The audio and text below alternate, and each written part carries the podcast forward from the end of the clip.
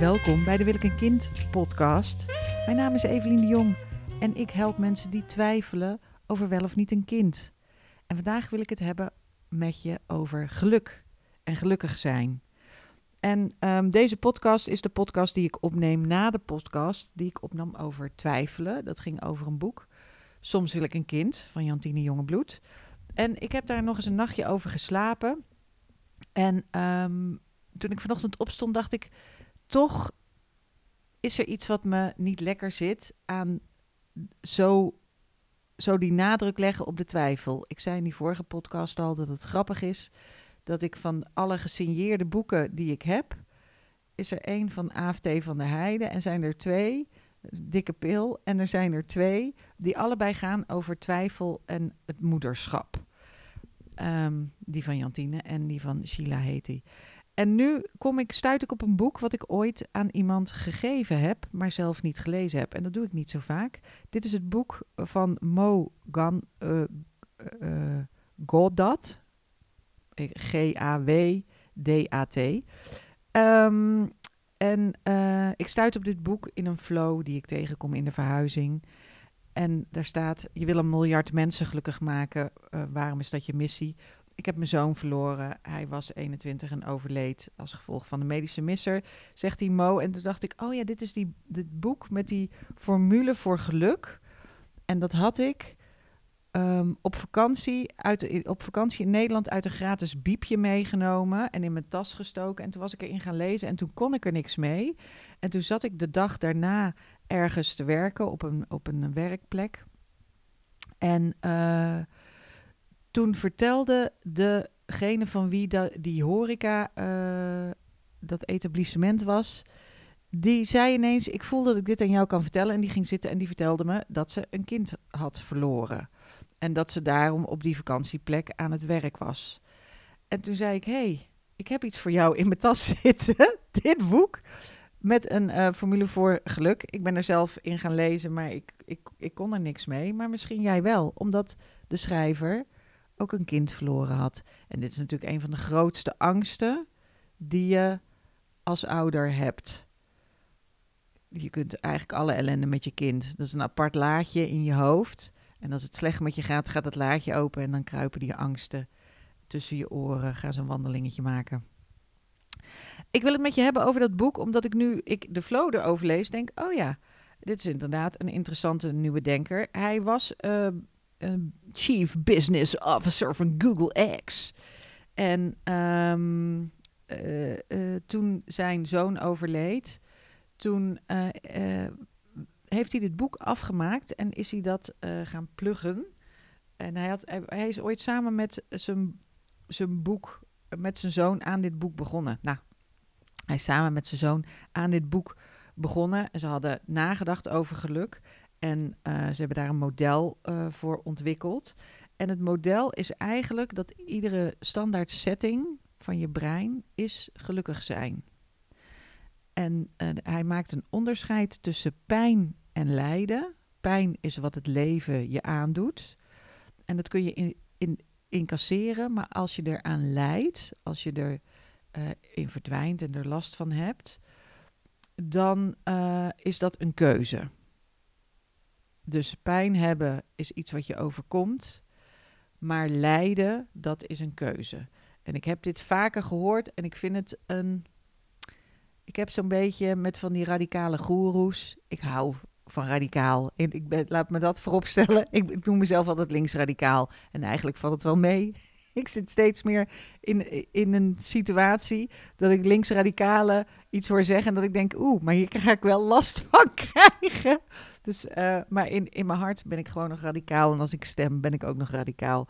Dus uh, dan heb ik er maar last van. Pijn is iets onvermijdelijks. En lijden is een keuze. Dit lijkt ook een beetje op wat Byron Katie zegt met de vier vragen die je leven veranderen. En zij is, heel, zij is ook heel radicaal. En dat is deze, deze formule eigenlijk ook waarom ik het wel interessant vond. Is omdat hij uitlegt, doet Byron Katie trouwens ook nou ik erover nadenk. Is dat hij uitlegt dat je standaard instelling is om ook de pijn te verdragen. Waar je aan lijdt is niet zozeer de pijn, maar is je lijdt aan het feit dat je verwacht had dat je gelukkig zou zijn, maar dat je ongelukkig bent. En dit triggerde helemaal iets over dat boek over de twijfel eh, dat, eh, van zowel Heti als Jonge Bloed. Dat hele boek gaat alleen over twijfelen. En ergens ontstaat er iets waardoor de twijfel ook zwaar begint te voelen. Alsof het je leven overneemt. Alsof er niet, geen uitweg meer is. En natuurlijk zijn die boeken um, bedoeld om dit, om, om, deze, om dit levensbesluit te verkennen. Dus wat je doet is, je staat op een heel klein stukje en met je voet voel je waar het drijfzand zit. Twijfel is eigenlijk een soort drijfzand. En, en, en tast je dat af. Maar dat maakt het ook ehm, onrustig om te lezen op de een of andere manier. Nou ja, de, de formule is, de formule luidt van Mo, luidt, je bent gelukkig of in ieder geval niet ongelukkig als de gebeurtenissen in je leven aan je verwachtingen voldoen of daarboven uitstijgen. Je wordt ongelukkig als de dingen die gebeuren in je leven niet overeenkomen met wat je ervan had verwacht. En dat is precies wat er aan de hand is met je als je twijfelt over die kinderwens. En wat ik nu weet en wat ik nog niet weet ten tijde uh, van dat ik uh, jonge bloed bij haar kinderwens begeleide. Toen begeleide ik veel meer op welke onderzoeksvragen liggen er, welke keuzes kun je maken, welke informatie kun je daarover vinden, wat is de volgende stap, zodat je steeds dichterbij, um, zodat je steeds dichterbij een antwoord komt. Maar uh, nu weet ik dat er diep binnen in iemand een intuïtief weten zit over of dat ik dat moederschap wel of niet wil. En dan zijn er externe omstandigheden. Dus in het geval van jonge bloed heeft ze twee keer een buitenbaarmoedelijke zwangerschap. Uh, dit is niet de spoiler alert in het boek. Hier opent het boek mee. Um, dus ze heeft ooit zeker geweten dat ze een kind wilde, maar door die twee gebeurtenissen weet ze het niet meer zeker. En dit is ook iets wat ik vaker zie. Dus de verwachtingen waren in haar leven van nou, ik heb nu een man met wie ik dit samen wil en we kunnen dat samen gaan doen. En dat werken ze helemaal uit. Maar als het dan niet loopt zoals je had verwacht, dan sta je dus voor de, voor de grote taak om opnieuw een beslissing te nemen. Daarom heb ik ook al een keer een podcast op, opgenomen over um, mensen die bij mij komen omdat ze twijfelen aan een tweede of zelfs een derde kind op de boekbespreking, daar stond ik te praten met iemand die heel erg twijfelde. En die zei: Oh, ik heb jouw website bezocht. Help je ook mensen die twijfelen aan een derde kind? Omdat die twijfel houdt dus niet op. Het lijkt als je erin zit, als je jezelf afvraagt: wil ik wel of niet een kind? Dan lijkt het super essentiële grote levensvraag. Maar als je dan eenmaal een kind hebt, dan kun je twijfelen over een tweede kind. En als je een tweede kind hebt, kun je zelfs twijfelen over een derde kind. Um, nou, misschien wil je, je dit wel helemaal niet horen.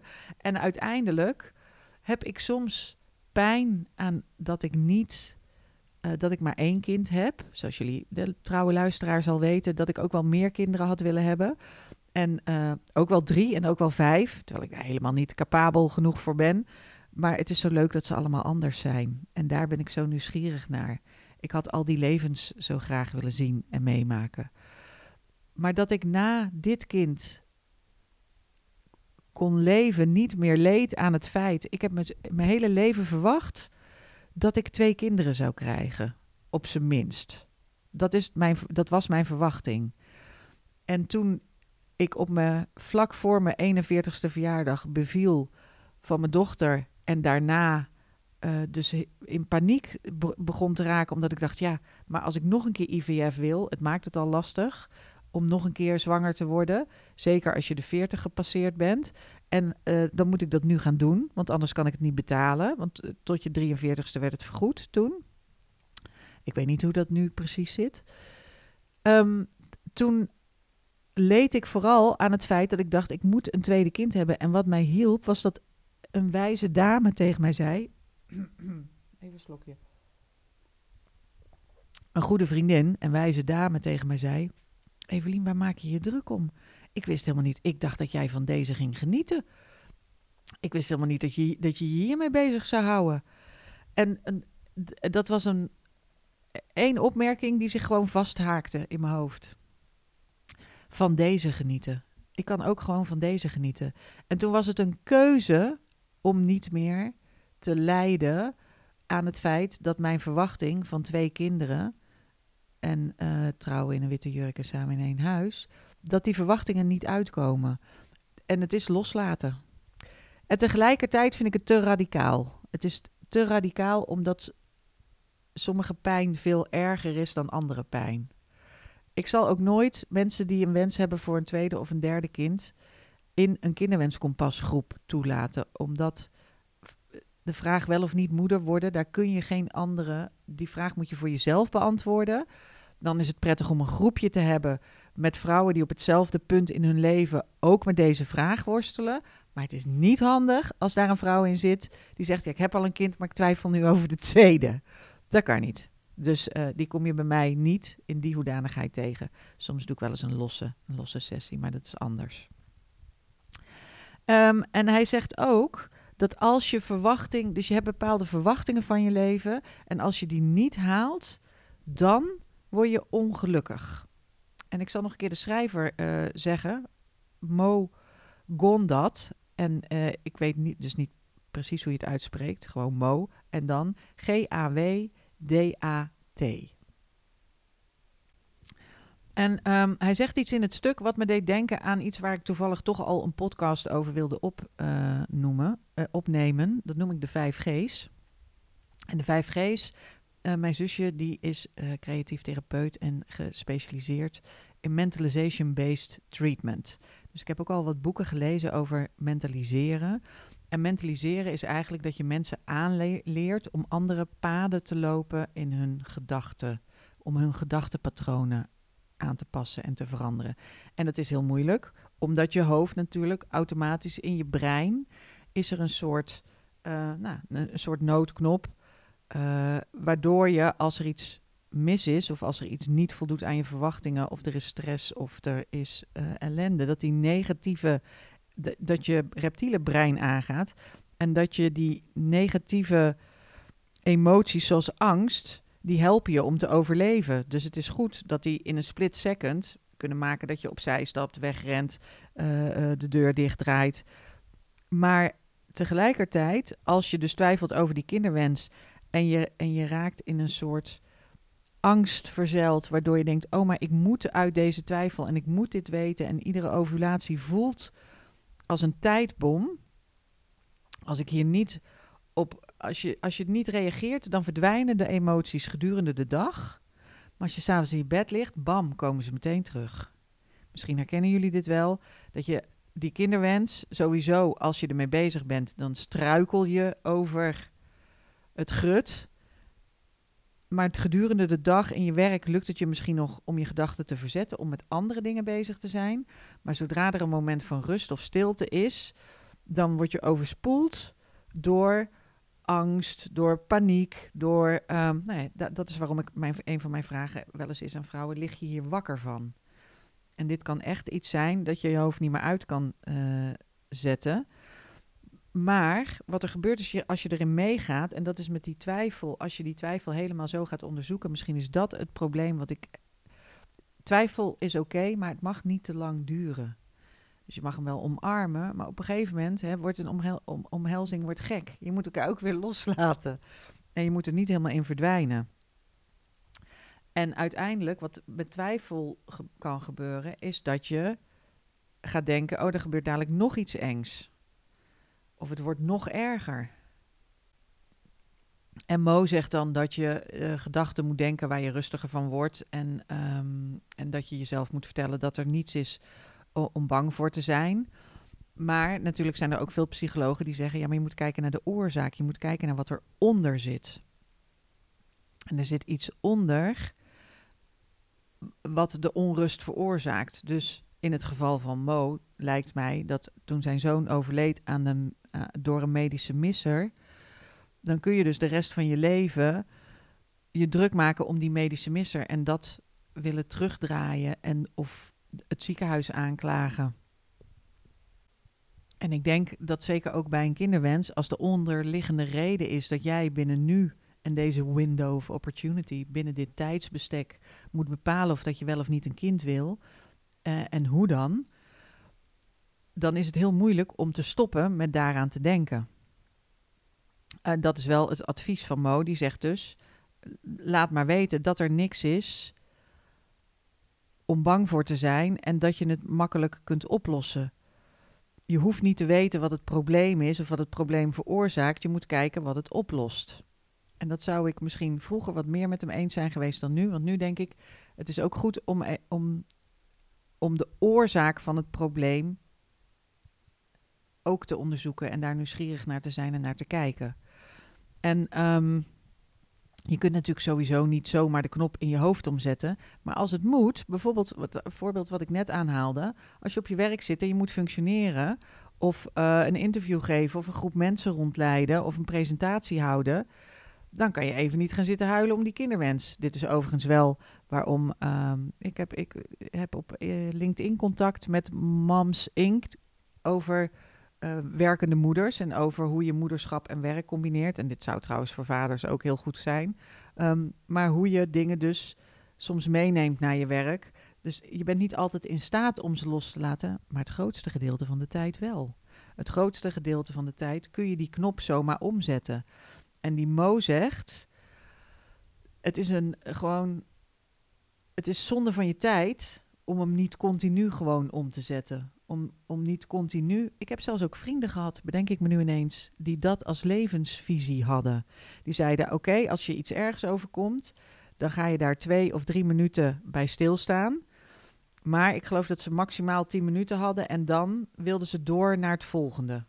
Zeiden ze: Dan gaan we er geen energie meer in steken, want anders blijf je er te lang in hangen. En ik weet ook dat ik zelf toen uh, van mijn grote luister, luisterde podcast Jongensgek, van mijn allereerste grote liefde in Maastricht, de muzikant, dat ik daar echt uh, een half jaar lang met een gebroken hart van heb rondgelopen. Maar tegelijkertijd dat vrouwen, uh, vrouwen vriendinnen en ook mijn familie zei: Goh, is het nu niet? Kan je niet ophouden met huilen? Duurt het niet te lang? Zo, ideaal was hij nou ook weer niet voor je. Um, nou ja, of wat je dan zegt tegen mensen. Dus die modi zegt, je kunt kiezen voor het geluk, maar je kan ook blijven hangen in het lijden. En als je pijn hebt, dan is het dus een keuze om te blijven hangen in het lijden. Dat hoef je niet op die manier te doen. En um, het is je verwachting, je verwachting dat alles goed zal gaan en dat alles zal lopen. En dit is wel waarom ik hierop aansloeg, was omdat ik dacht: oh, dit gaat ook over het romantisch liefdesideaal loslaten. Dat is een verwachting, zelfs als je dacht: ik had hem niet, dan had je hem toch, omdat anderen hem in geïnstalleerd hebben in je leven. Het is helemaal iets, niet iets wat jij in je eentje doet. Het is iets wat, um, wat je onbewust met je meedraagt. En daar zitten nog andere dingen onder. Daar zit je eigen jeugd onder. Er zit de jeugd van een eventuele partner onder. Er zitten uh, uh, dingen die je jezelf hebt aangeleerd toen je een kind was om veilig te blijven. Dus het is natuurlijk om te vluchten voor de pijn en om dan te gaan voor hedonistisch uh, genieten van het leven. Of ik kan ook heel hard werken zijn of, of sporten of, of zorgen. Maar om weg, te, om weg te gaan van het pijnlijke, dat is een natuurlijke reactie. Maar eigenlijk moet je niet weggaan van de pijn. Dat is, hij zegt, maar het is anders. Dat je gewoon de pijn onder ogen ziet. De realiteit accepteert. En dat je weet, in het leven zullen er altijd moeilijke en zware dingen zijn. En daarvan dacht ik, dat is heel prettig. Want dat is wat er nodig is, ook als je twijfelt over die kinderwens. Accepteren dat er moeilijke of zware dingen zijn. En dan daarna opnieuw je leven opbouwen. En dan kan het dus zo zijn dat, en dat is heel goed aan het boek Soms wil ik een kind, is dat je dus ziet dat eerst wist ik het zeker. En eigenlijk had ze de vraag minder goed onderzocht toen als dat ze nu gedaan heeft.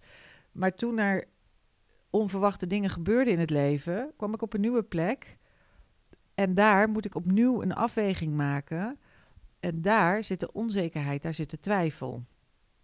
Overigens hoef je niet aan alle twijfel te lijden. Het kan ook leuk zijn om te twijfelen tussen dingen. Zo heb ik het heel leuk gevonden om uh, in mijn eigen huis te blijven wonen en te kijken naar andere huizen. Ik vond dat verschrikkelijk leuk. En ook nog, ik heb dan een paar bezichtingen eh, gedaan. En nu zit ik in het huis waar ik, het eerste huis waar ik ja tegen zei. Um, maar de twijfelen kan leuk zijn. Ik ben, en ik ben al drie, drie, keer naar de IKEA geweest, nou ga ik niet meer. Gewoon om te kijken. En uh, mijn kind en een vriendinnetje meegenomen. En die gaan dan in alle kamers spelen dat het hun huis is. Dus die vindt het helemaal geweldig. En ik loop gewoon rond.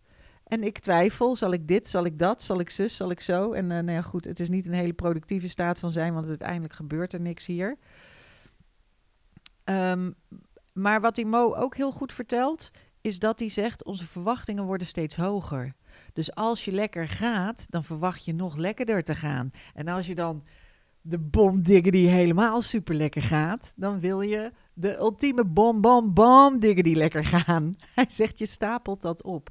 Dus als je verwachtingen eenmaal vervuld zijn, dan wil je meer en dan wil je meer en dan wil je meer. En dan uiteindelijk leg je de lat te hoog. En mensen denken dat ze recht hebben op alsmaar hoger ingeloste verwachtingen. Maar, en dit vind ik heel interessant, hij zegt: als je uiteindelijk 80 of 90 wordt, dan zal 20% van je leven ook niet goed zijn.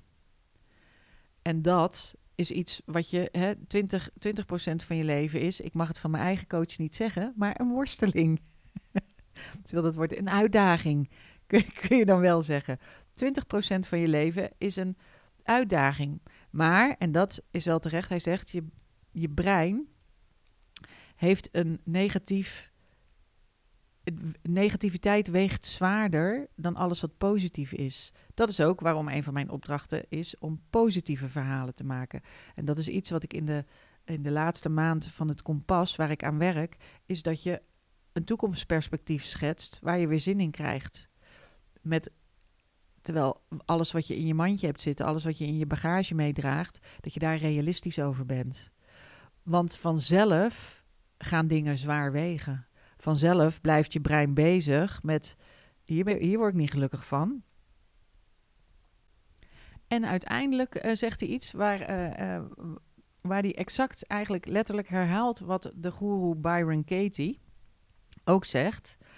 Als je ergens in blijft zitten in je hoofd, dan kun je jezelf vragen: is dit waar?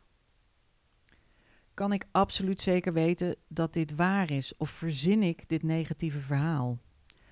En je wordt dus gelukkig als je kunt werken aan realistisch kijken en daarna een positief verhaal vinden. Want je kunt je brein sturen. En als je dat iedere keer een klein beetje doet, dus een klein beetje aan de knop draait, dan past je brein zich aan. Want uh, je hebt, we hebben allemaal een plastisch brein. En ik weet nog heel goed dat ik ooit ben ik met mijn auto in de vangrail gereden op de afsluitdijk um, met 120 km per uur.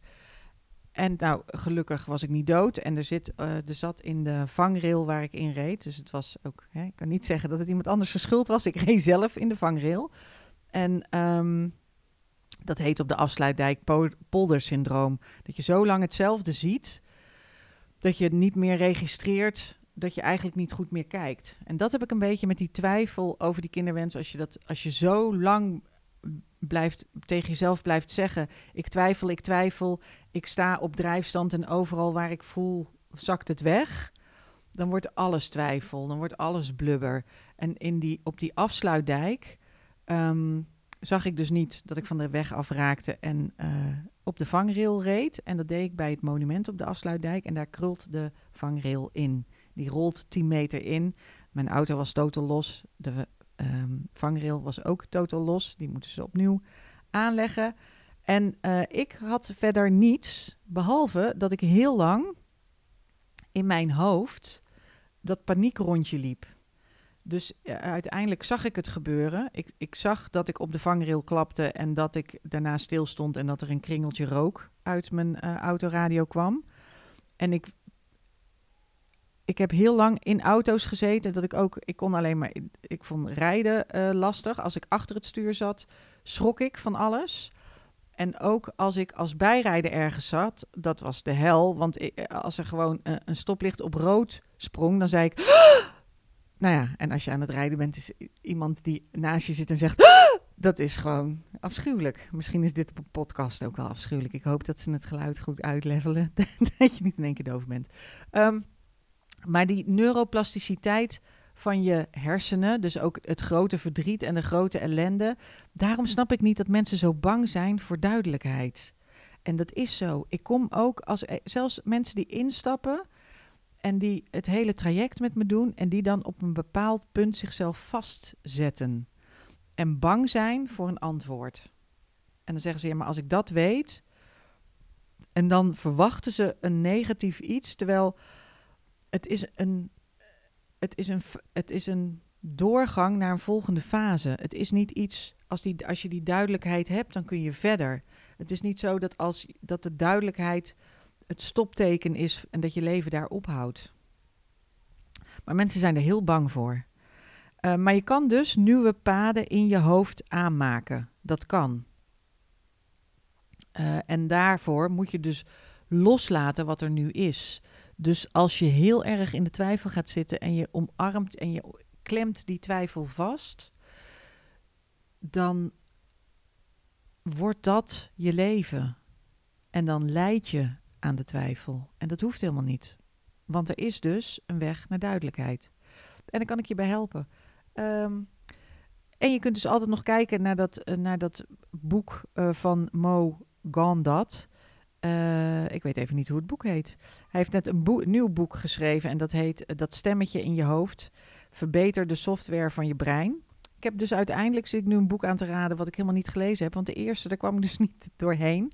Maar ik heb daarna wel nog um, een mail gekregen van die vrouw die haar kind verloren was. En die uh, ook daar mee heeft leren leven. Ik heb zelfs toen ik, um, ook toen ik zwanger was, Tonio van AFT van der Heijden gelezen.